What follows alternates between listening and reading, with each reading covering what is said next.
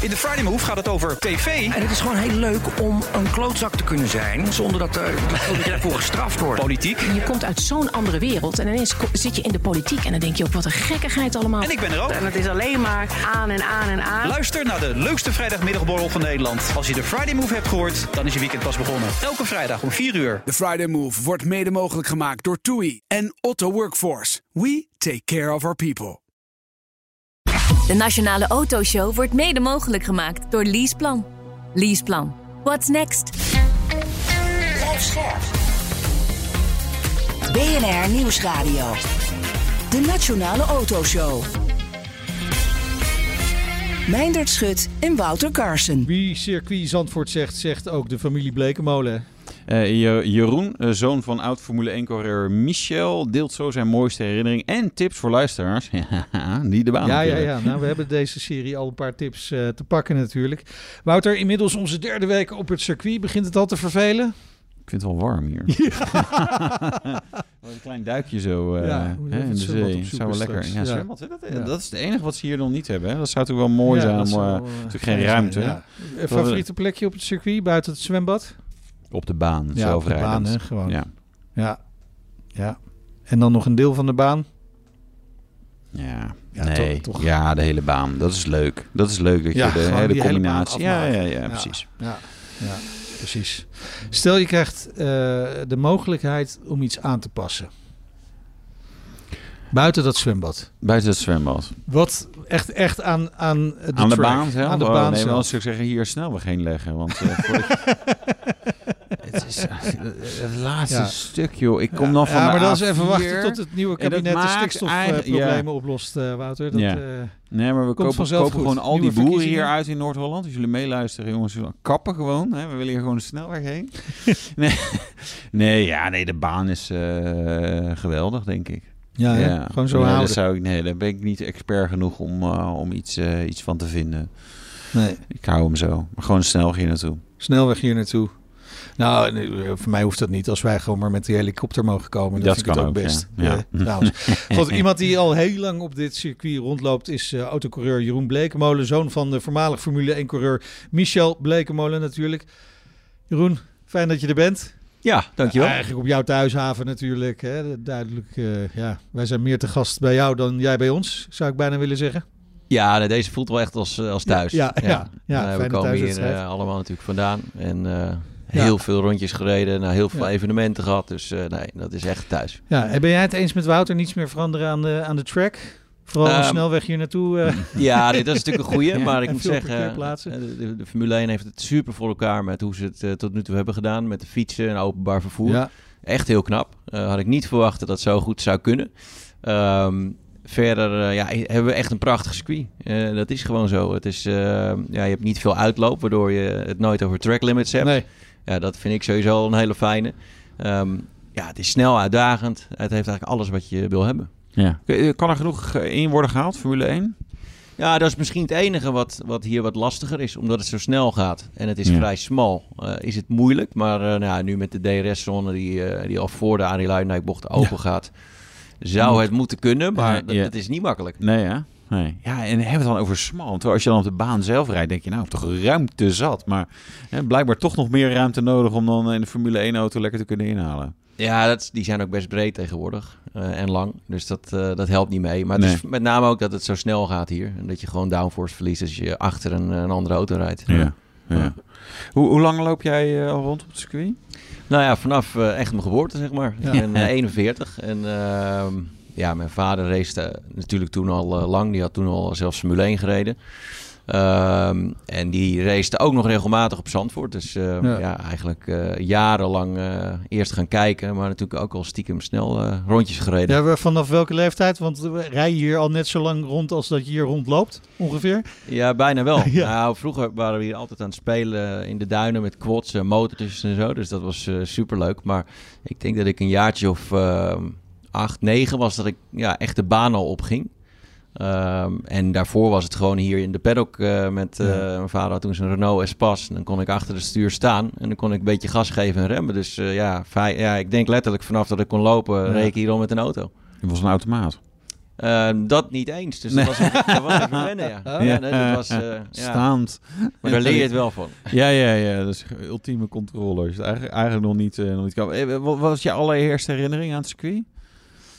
Ik denk mijn eerste herinnering is toen de lange baan eh, klein gemaakt werd. Ja. Toen eh, zei mijn vader, je moet nu nog een rondje met me meerijden. Toen mocht ik mee in zijn, eh, in zijn raceauto. Gewoon eh, hing ik aan de rolkooi, zeg maar.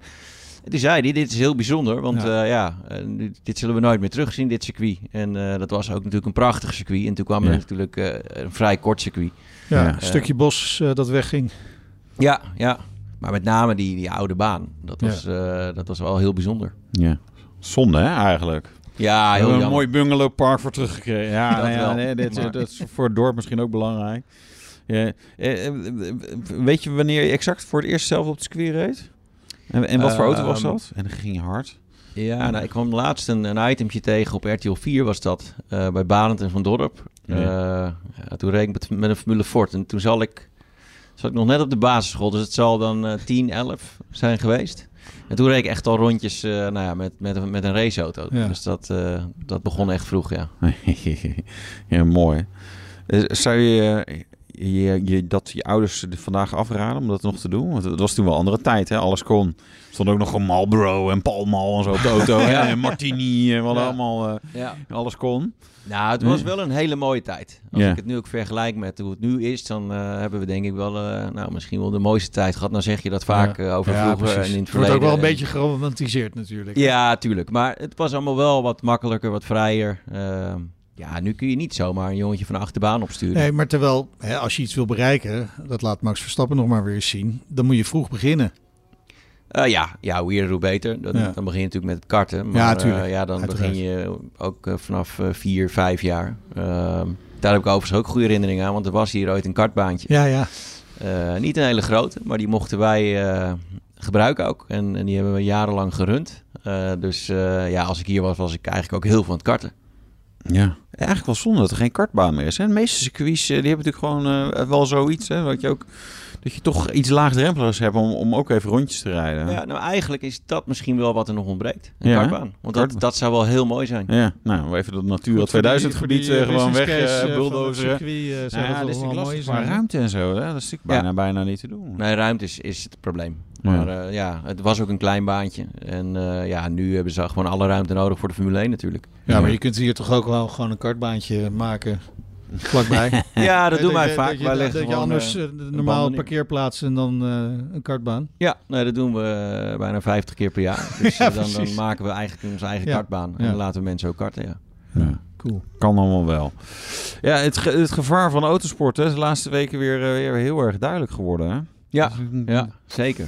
Dat, eh, ja, je zal het, het, het is wel zo dat autosport echt veilig is geworden. ja.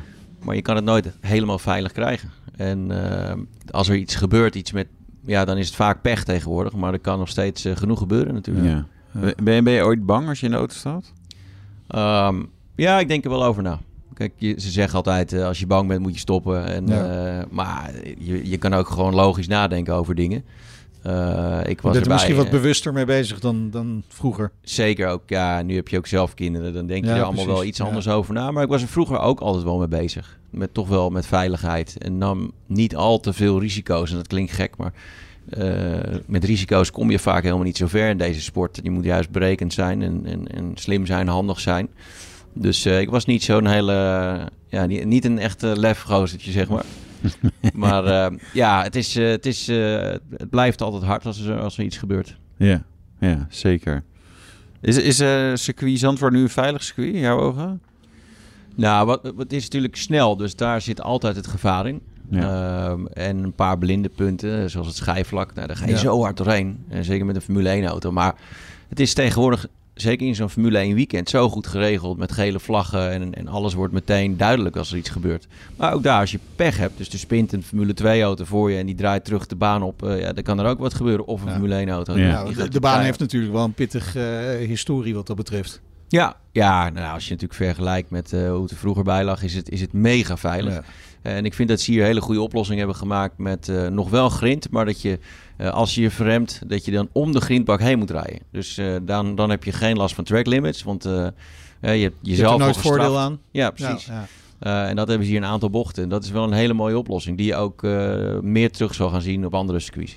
Ja, zodat je gewoon geen echt... E-, even de bocht afsnijden heb je dan niet zoveel aan.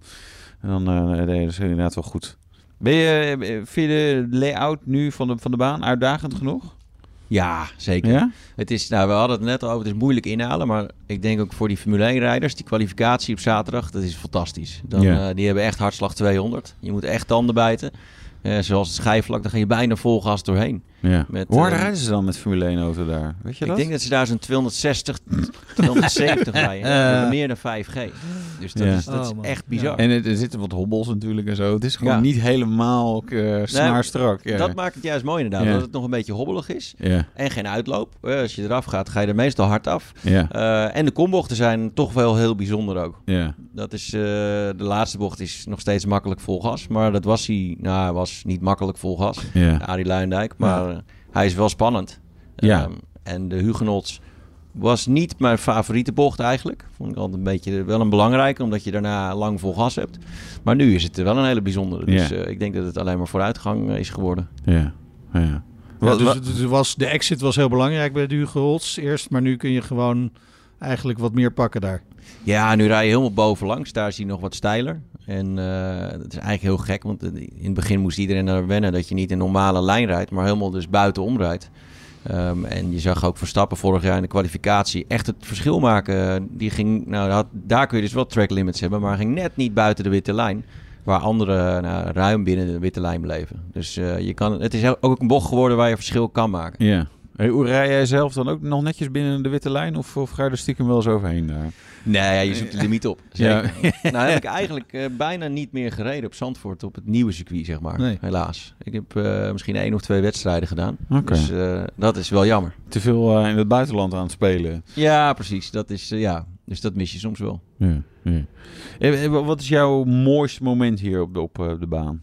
Ehm, ja, die is voor mij heel makkelijk te benoemen. Dat was de A1 Grand Prix. Mhm. Ehm, eerste- dat is lang geleden zeg. Hey. Ja, ik word oud. ja. Oh, je, Ja, je hebt gelukkig je leeftijd al verraden. Maar nog. ja, oh ja, toen, dat Ja. hadden we ook nog. Nee, dat voelt al wel als lang geleden, maar dat was eh 2006. Duitsland 1, Amerika 2. Dan wordt Ryan Briscoe dadelijk derde als hij er niet afvliegt. Dan wordt Jeroen Blekemolen toch gewoon vierde hoor. Ik weet het bijna zeker, want hij heeft nog twee bochten te gaan. En daar rijdt Jeroen Blekemolen. Jammer, jammer, jammer. Gevochten voor wat hij waard is. Vierde plaats tijdens zijn debuut. Dat is niet alleen punten voor Team Nederland, maar ook prijzengeld voor Jan en consorten. Jeroen Blekemolen wordt vierde. Jammer, jammer, jammer, jammer. Eh, Jos Verstappen zou komen rijden. Die kreeg eh, een soort van ruzie met Jan Lammers, de teambaas. Ja. En eh, toen eh, werd ik gebeld een paar dagen van tevoren. eh, en door Jan eigenlijk van, nou, jij zit in die auto dat weekend. En dat is echt bizar. Jeroen, Allard hier. Hoe was het? Super race. Ik bedoel, eh, we waren gewoon eh, lange tijd te snel. En eh, ja, ik ben gewoon, eh, ik op een gegeven moment natuurlijk op kop.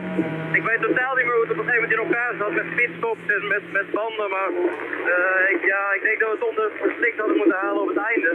Maar in ieder geval, ja, we gingen, we gingen gewoon super. En, eh, en ja, ik ben, ik ben ontzettend blij, zeg maar.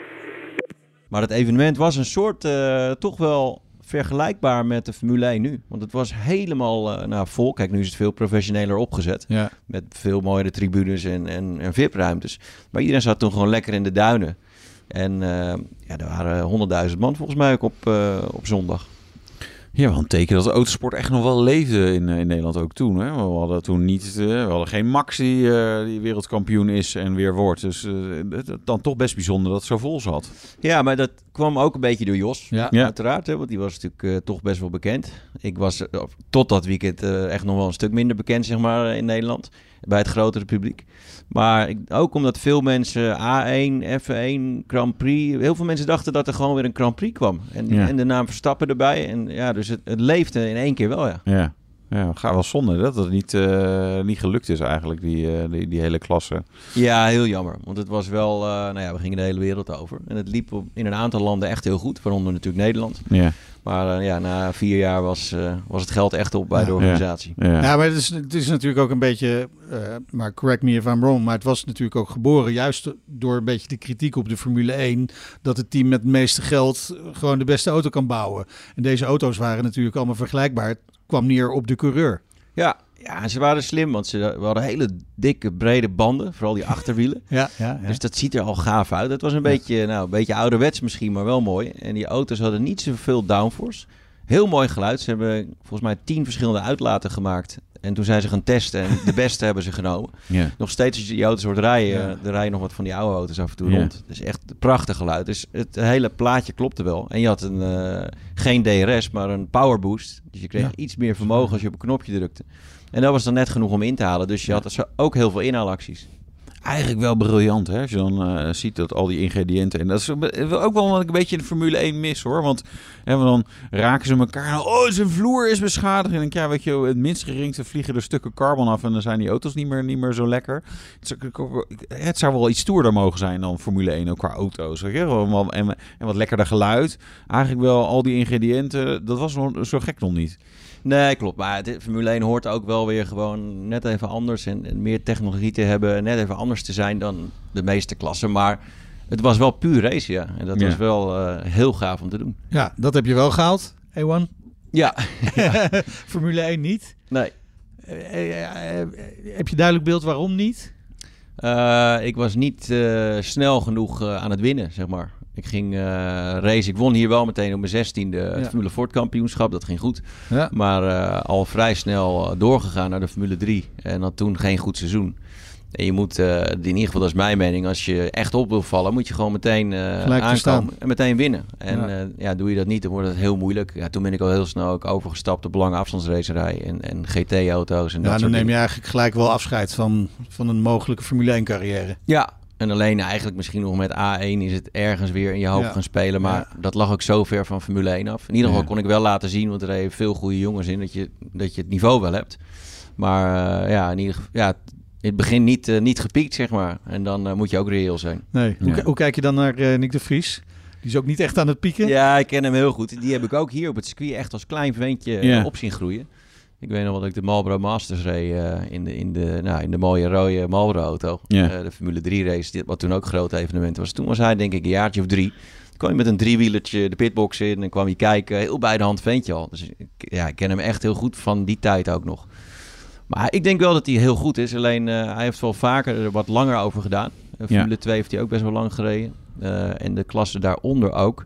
Ehm, maar als hij helemaal los is, zeg maar, als hij helemaal gaat, dan is hij ook echt verschrikkelijk snel. Ja. Want ik heb hem Ja. ook een paar keer eh, zien rijden dat ik echt ontzettend onder de indruk was van eh, Ja. het snelheidsverschil met de concurrentie. Maar dat is, dat is een beetje het nadeel natuurlijk in de Formule 1, dat je die tijd bijna niet krijgt. Hè? Dat, eh, wat- je ook nu ziet met eh, eh, Alexander Albon, die, die natuurlijk eigenlijk bij eh, Red Bull eh, ja, mislukt is tussen haakjes, eh, maar nu geweldig doet in de Williams.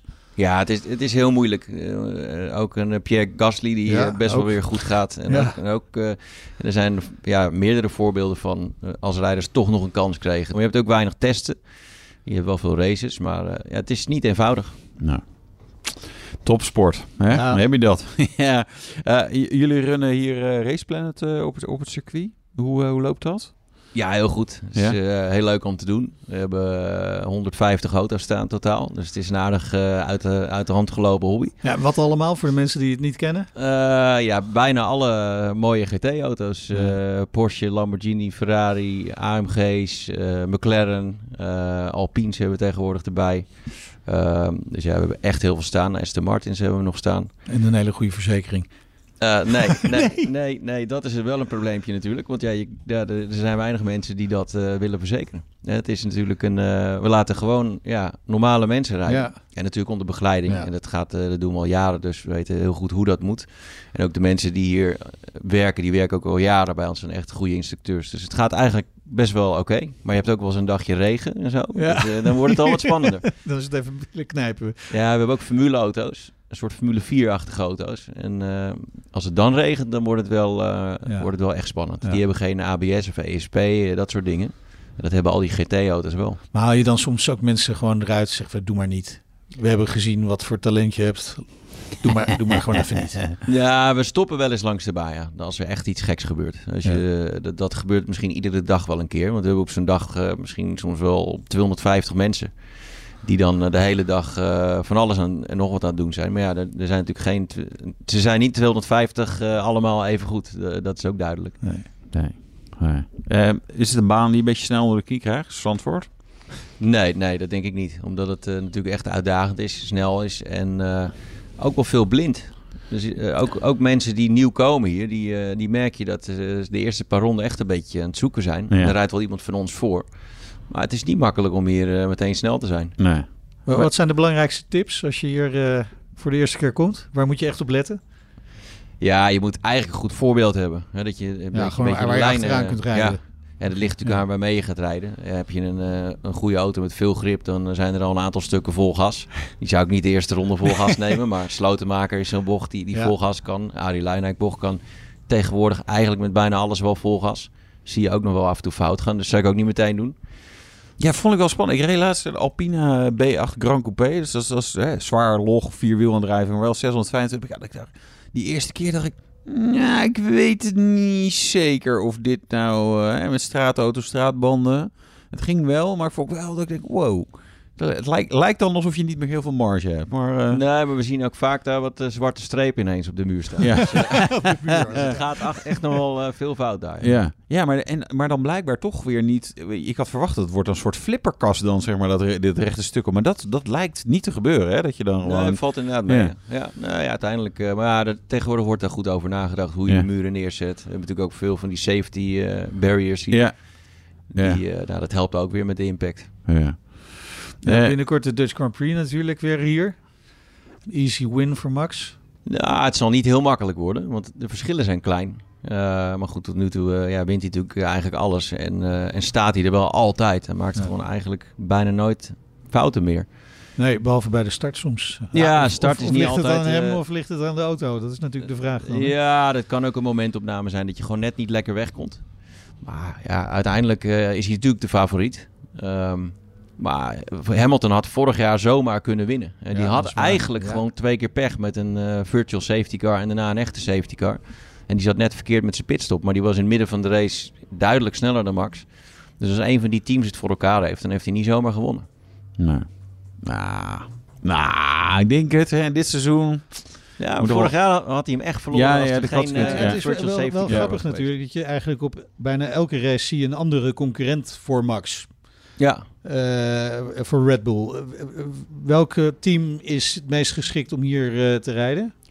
Ja, het Naast is heel, Red Bull. heel moeilijk om, om in te schatten, omdat het inderdaad elke week anders is. Maar Ferrari ging op een gegeven moment ineens goed, maar die zijn eh, nu weer wat minder. Mercedes is natuurlijk eh, druk bezig met de auto, dus die, eh, die komen er ook wel aan. Ja, dan is McLaren in één keer met allemaal updates er weer bij, dus het Ja. is eh, bijna niet te voorspellen. Ja, die, die, de, het nummer twee team, dat is nog wel spannend. Ja. Want de Aston Martin, die noem je nog niet. Maar dat is allemaal, weet je, ze hebben allemaal een keer ook op het podium gestaan en, eh, en er dichtbij gezeten. Maar het, het- dat wisselt wel lekker door.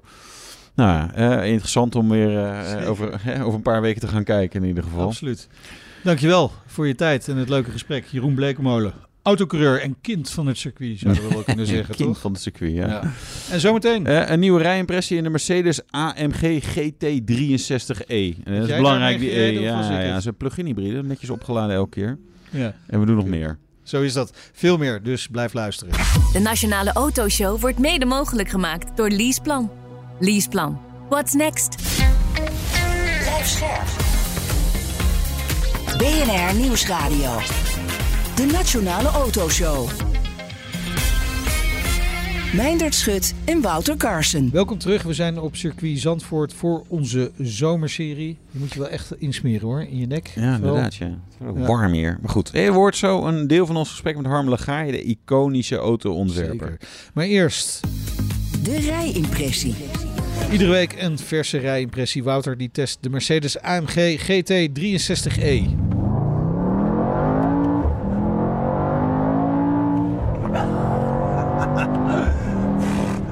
blij dat ik hem heb opgeladen. Ik hoef me niet zo schuldig te voelen over dit gedrag. Want ja, het is eh, gedeeltelijk elektrisch. Hè? Geen CO2-uitstoot van dat deel van de acceleratie in ieder geval.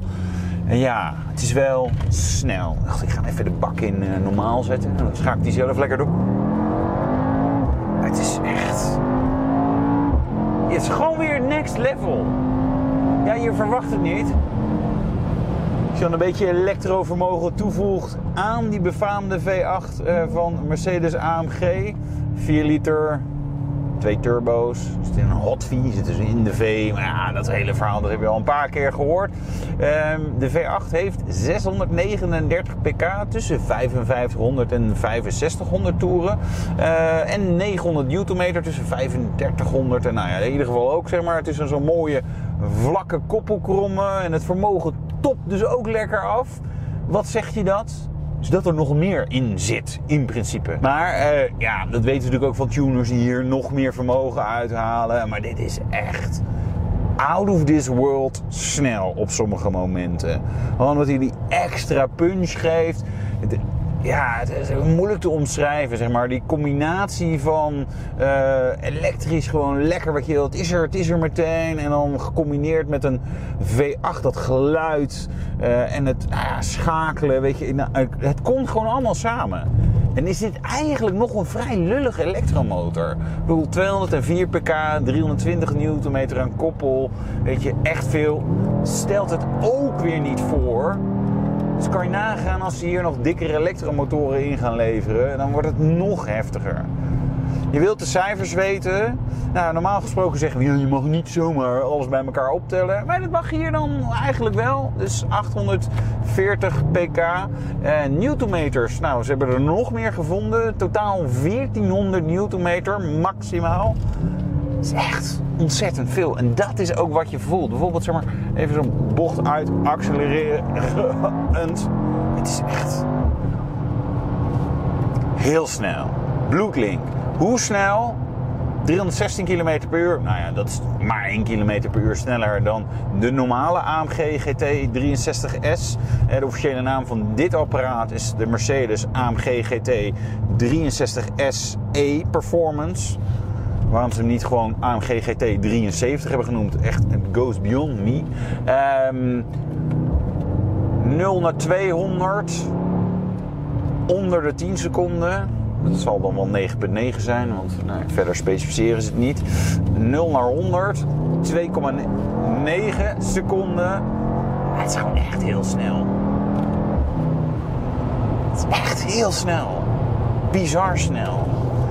En op een leuke manier, omdat hij ja, die aandrijflijnen combineert. Dus ik, dat blijft wel dat ik denk, uh, you ain't seen nothing yet. EV's heeft iets gaafs, hè, dat koppel altijd. En als de Tesla Model S Plaid ooit naar Nederland komt, dan is dat vast heel indrukwekkend. Maar dit zo gecombineerd, ja, heeft gewoon echt wel zo zijn charme. Houden er wel van. Om je nog een beetje gevoel te geven. Een gemiddelde EV in Nederland, Kona Electric, Volkswagen ID3, ID4, dat soort auto's in, de, in zo'n soort basisspec, hebben die 204 pk uh, aan elektropower. Dat heeft deze AMG GT 63S E-Performance dus ook aan elektrisch vermogen. En daarbij doen we dan die V8 met 639 pk en 900 Nm aan koppel. En dan is de gewone GT63S zonder e-performance dus ook nog. Nou, er zijn wat verschillen. Uh, 0,3 seconden langzamer naar de 100 is die. Uh, is 1 km per uur lagere topsnelheid. Dat scheelt niet zoveel. Uh, 200 kilogram lichter. Wat overigens ook betekent dat deze auto is een vierzitter. Maar ik kan die niet vier keer in. Want het laadvermogen is 380 kilogram niet super veel. Dus ja, als je met normale volwassenen die 80 kilogram wegen, en vrouwen meestal iets minder, en een beetje bagage, ah, moet je toch wel een beetje oppassen. Dan weet ik niet of er een weegbrug voor auto's is. Dan denk ik, nou, we gaan deze meneer eens even pakken. Oh, de prijs. Willen jullie de prijs nog weten? Ja. Oh ja, voordat je. Heb ik hier 231.918 euro. Dit exemplaar nog wat eh, carbon frutsels aan de buitenkant. Premium pakket. eh, mooiere achterbank met een tablet en zo. 265.000 euro. Daarmee nu de goedkoopste auto met meer dan 800 pk op de Nederlandse markt. Want er zijn zo enorm veel auto's met meer dan 800 pk op de Nederlandse markt. Nee, volgens mij niet verder. Maar dat mag de pret niet drukken. Mercedes AMG GT63E. E. Is, is het net zo indrukwekkend als het klinkt? Ja, hè? Ja, ah, die naam had beter gekund hoor. Had dan gewoon GT73 of zo genoemd. Eh, maar ja, heel, eh, heel rap. Heel indrukwekkend, snel en, eh, en een ruig ding.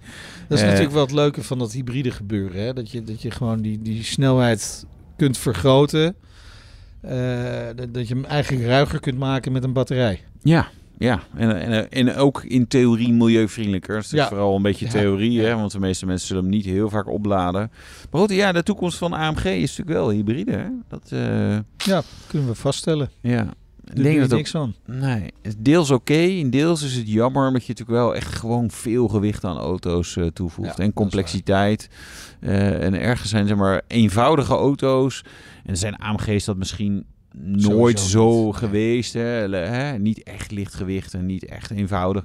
Maar hè, het traditionele recept van AMG is gewoon... we hebben een dikke V8 en die, Ja. die, die proppen we in een, in een carrosserie... die er eigenlijk misschien net niet helemaal voor geschikt is. Ja. En dat, is wel, dat was wel het mooiste recept. Ja, heerlijk. We moeten ze er ook toch een beetje naar terug. De Nationale Autoshow. Autoontwerper Harm Legaay was eh, dit voorjaar even in Nederland en wij kregen de kans om hem uitgebreid te spreken. Was zeer indrukwekkend en natuurlijk onder meer over zijn tijd bij Porsche. U woont nu in, in Duitsland, hè? De, eh, Ik woon in de buurt van München. Ja. Mijn lievelingsstad eigenlijk. Ja. Hoewel ik er eigenlijk eh, maar 3,5 jaar gewerkt heb. Eh, toen in mijn BMW-tijd. Ja. Eh, de meeste tijd, eh, zoals aangesproken, was eh, de eerste periode bij Porsche van 71 tot 77,5. Ja. Toen ben ik naar Ford gegaan voor 8,5 jaar. Toen ben ik naar BMW gegaan voor 3,5 jaar. En toen werd ik teruggeroepen naar Porsche, Ja. want daar brandde het. Dus, Ja. ehm, Ze hadden u nodig. ja, dat was een hele bijzondere situatie waar je natuurlijk lang over nadenkt of je er weer naar terug gaat. Ja. En de omstandigheden en welke positie en situatie die firma toen was. En dan slaap je daar, moet je gewoon even over slapen. En dan moet je lang over nadenken. Hoe, of het nou werkelijk eh, zinvol is in een carrière nog zo'n stap te doen in een firma die eigenlijk in feite aan het einde is. Ja. Eh, de modellen waren verouderd.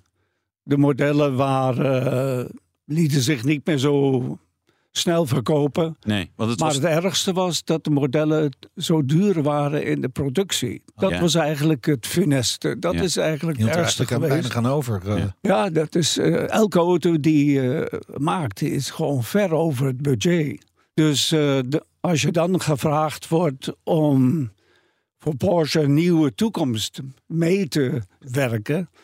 ja, dan moet je gewoon even nadenken of dat wel gaat lukken. Ja, want het was toen Porsche 928, 944 en een 911 was, was Precies. 964. Ja, 911 was het type 964. Ja.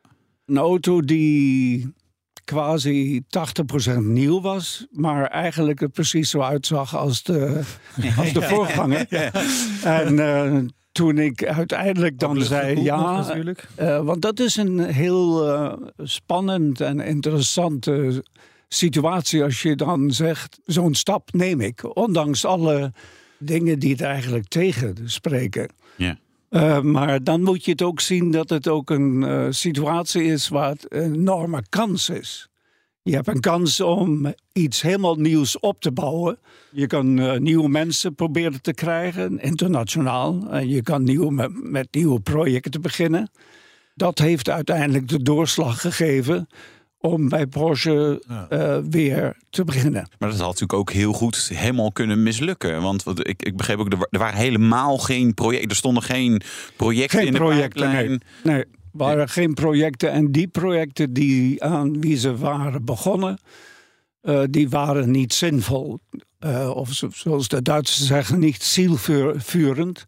En toch het verrassende, het interessantste aan die periode is eigenlijk dat de buitenwereld, die natuurlijk in de tussentijd had begrepen dat het niet zo goed was. En dat we zelfs uh, hele hoge verliescijfers hadden. Maar binnen de, dus de media, die begon natuurlijk ook al onrustig te worden. Maar het interessante is dat eigenlijk binnen de company, binnen de firma, de mensen overtuigd waren dat we een paar goede nieuwe ideeën konden ontwikkelen. En dat we opnieuw konden beginnen. Daardoor is het ook goed gegaan. Er was geen sprake van dat het uh, een soort risico uh, in aanhalingstekens zou zijn. Nee, projecten waar we zijn, aan zijn begonnen waren ook fantastisch. Ja, we zullen het straks uitgebreid over een paar van die projecten hebben. Uh, want wie Harmelagai zegt, die zegt natuurlijk uh, Porsche. Maar zoals net al gezegd, u heeft ook jarenlang bij Ford en BMW gewerkt. Hè.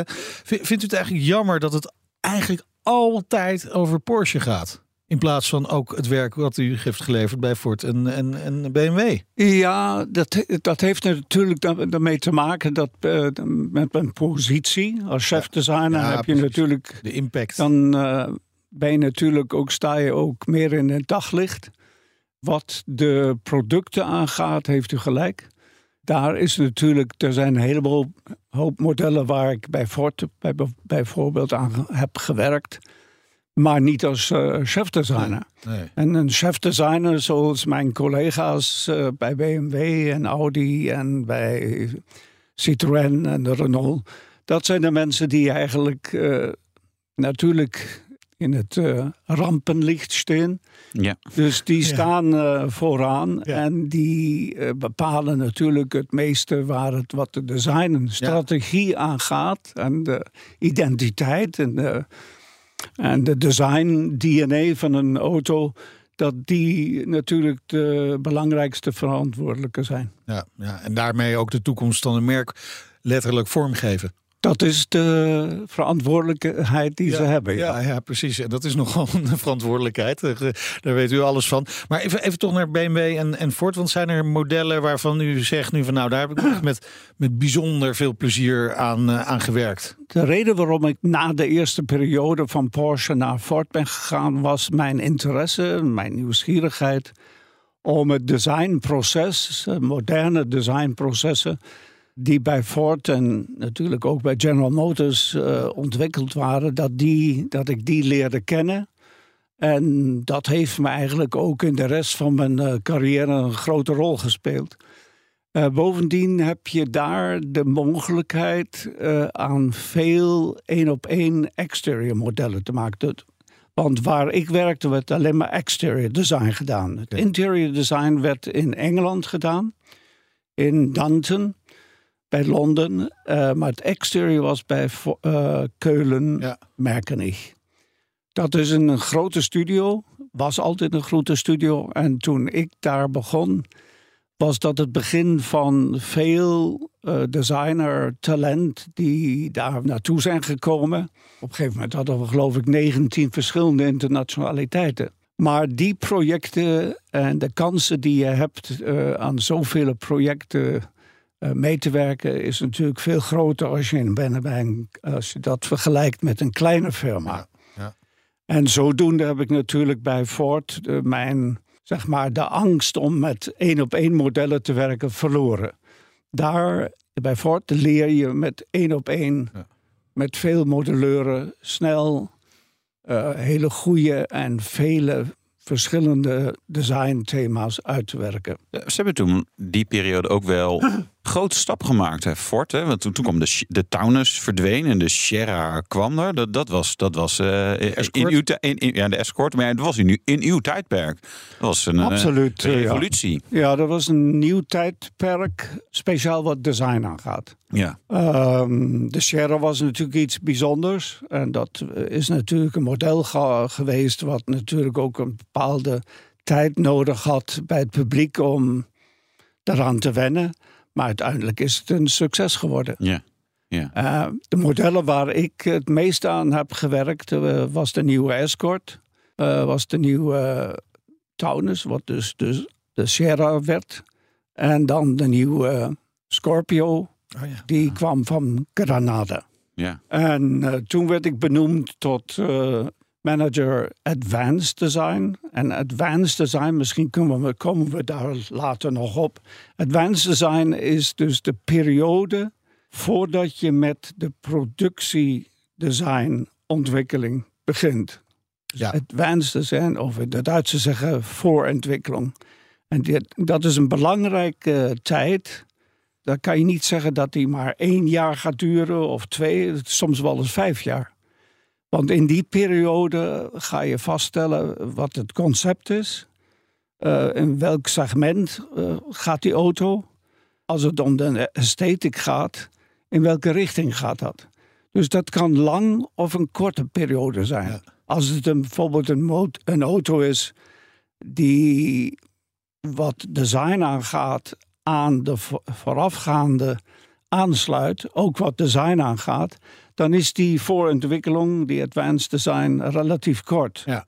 Maar als voorbeeld, uh, de Porsche Cayenne heeft een extreem lange advanced design periode gehad. Omdat we niet wisten, ten eerste, is het werkelijk dat wat Porsche nodig heeft? En hoe gaat het eruit zien?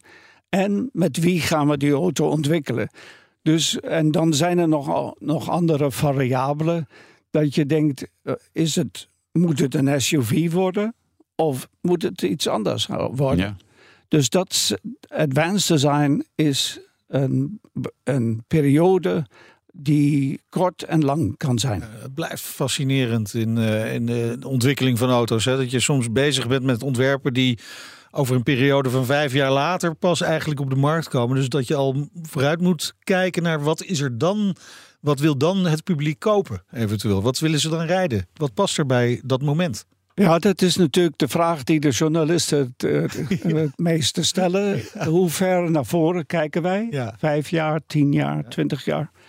En dat hangt werkelijk helemaal af van wat de firma van plan is bij Porsche wisten we in het begin ook niet dat we per se een, een SUV zouden gaan maken. En wanneer en hoe.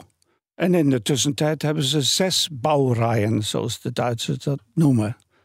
En toen de tijd, in heel het begin waren het alleen maar twee. Box, Boxster en 911. Ja. Dus de Cayenne. Ja. Dan komt Boxster met een Cayman. Dan komt Macan. Dan komt Panamera. Dan komt Taycan. Ja. Ik bedoel, dat heeft een grote invloed op het designafdeling. Ja, want het, het grappige was in, in, de, uh, in de periode dat u bij Porsche kwam. 944, 928, 911. Ja, ik, ik, je, er, zitten uh, dingen in die met elkaar overlappen. Maar het zijn wel auto's die technisch heel anders zijn. Maar ook qua design eigenlijk. Ja, ze passen wel een beetje bij elkaar, maar toch ook weer niet. ja, hè? Dat is, was, dat, was dat uw eerste opdracht? Van, uh, dat is de eerste opdracht, ja. De eerste opdracht is dat je in feite drie auto's naast elkaar hebt. De 964, de 911 dus. Ja. De 944 en de 928, die een fantastische auto. Maar in homopathische hoeveelheden werd verkocht. ja, uh, maar het was wel een van de eerste auto's, was overigens mijn eerste dienstauto. Uh, en daar zijn we dus hebben een kleinigheid kunnen verbeteren als facelift. Voor de 944 konden we de 968 doen. Ja. En bij de 911 moesten we een hele grote stap doen. En dat werd dan de 993. Ja. Kortom, als je het later dus bekijkt, dan zijn natuurlijk, is de 993 uh, eh, het belangrijkste geweest. Ja. Hoewel die auto in het begin ook uh, in de productie zo duur was als zijn voorganger. Dus iedereen werd, vond het een fantastische stap om van 964 op 993 te gaan. Maar uh, het financiële is, was natuurlijk nog steeds niet rooskleurig. Nee. Maar het design was tenminste een grote stap. Ook technische dingen waren ook beter. Dus dat was de allereerste stap naar ja. een betere toekomst voor Porsche. Ja, nou heb ik een podcast geluisterd, Alte Schule in het Duits. Het was even aanpoten voor mij. En daarin eh, heeft het inderdaad ook over, nou ja, een, een, een goede auto van goed design moet natuurlijk ook wel het, het bedrijf verder brengen. En heeft ook wel een uitgesproken mening over de McLaren F1, de McLaren F1. Dat is een ja, fantastische auto, iconisch, nu heel veel geld waard, maar eigenlijk ja, misschien helemaal niet zo succesvol uh, voor het bedrijf McLaren. Nou, ik geloof dat dat te maken heeft met mijn carrière, waar ik in firma's een studio geleid heb, waar het vaak ook om de economische kant van een firma ging. Dat het beter moest worden. Dus als je dan natuurlijk een McLaren F1 gaat ontwikkelen, maar je firma is economisch niet stabiel, dan is natuurlijk dat niet per se de beste auto die je daarvoor kunt nemen. Nee. nee. Dus het, het, hangt een beetje, geloof ik, daarmee af, vanaf dat ik het belangrijk vind dat als je iets uh, voor een automobielfirma doet als designchef, dan moet je de economische kant heel, heel sterk in het oog houden. Maar dan zijn dus de lessen die u heeft geleerd bij, bij Ford met name en misschien ook wel bij BMW ongelooflijk belangrijk geweest. Dus voor, voor Porsche om, om een, goede toekomst te hebben. Bij Porsche is eigenlijk uh, de situatie een andere geweest. Bij Porsche was de economische situatie helemaal niet goed. Nee. Maar het belangrijkste was een concept te vinden een vaartuigconcept te vinden die eh, voor Porsche in de toekomst stabiel en attractief zou kunnen zijn. En het geniale concept was dus de Boxster en de 996. Ja, ja. Want die zijn in het begin natuurlijk hebben die uh, tot aan de B-zuilen, zo heet dat bij ons. De B-stijl, ja. De, de, de, eerste de zeil ja, eigenlijk tot, tot en met de deur, zeg maar. De... Tot en met de deur. Tot en met, met de, deur. Dus met de deur samen zijn het gelijke auto's. Ja. Dus we praten over een relatief uh, grote aantal van onderdelen die gelijk zijn. Ja. Toen, in helemaal in het begin, in die periode moest het ook. Het was gewoon geen andere kans om het anders te doen. Maar, maar dat er twee auto's met volledig verschillende motor concept. Dus hekmotor, dus motor achterin. En een auto met een motor in het midden. De boxte dus. En die auto zijn, zeg maar, desondanks zoveel gelijk. Dat is eigenlijk in de automobielgeschiedenis nooit gebeurd. Harm Legaai, autoontwerper. Het hele gesprek vind je natuurlijk terug in onze podcast-app. Ja, ja, eigenlijk zonder dat je nu maar een deel hebt geluisterd, zou je bijna kunnen zeggen. Hè? Maar goed, ja, dit was de Nationale Autoshow. Terugluisteren, site, app, Apple Podcast, Spotify. Vergeet je niet te abonneren, dat kan ook overal. En dan mis je helemaal niets. En inderdaad, dat gesprek met Harm Legaai, dat kun je dan ook nog helemaal uitgebreid terugluisteren. Is de moeite waard. Want je mist altijd al wat en je leert ook elke keer wat nieuws. Precies. Volg ons Twitter, Facebook, Instagram. Ik ben Meijnerd Schut. En ik ben Wouter Karsen. Tot volgende week en dan spreken we de track manager van het circuit in Zandvoort. Oeh, interessant. Ja, mooie baan. De Nationale Autoshow wordt mede mogelijk gemaakt door Leaseplan. Leaseplan. What's next? Duik mee in de wereld van ESG. Dit seizoen verkennen we hoe bedrijven hun strategieën rond duurzaamheid vormgeven. Ontdek de nieuwste innovaties in energietransitie en de impact van waterstof. Wie zijn de ware koplopers in duurzaamheid? Ik ben Donatello Piras, presentator en samen met Roetoei brengen we koplopers in ESG. Elke maandag om twee uur te horen op BNR Nieuwsradio. Dit programma wordt mede mogelijk gemaakt door Missie H2. Samen maken we Nederland het waterstofland in 2030.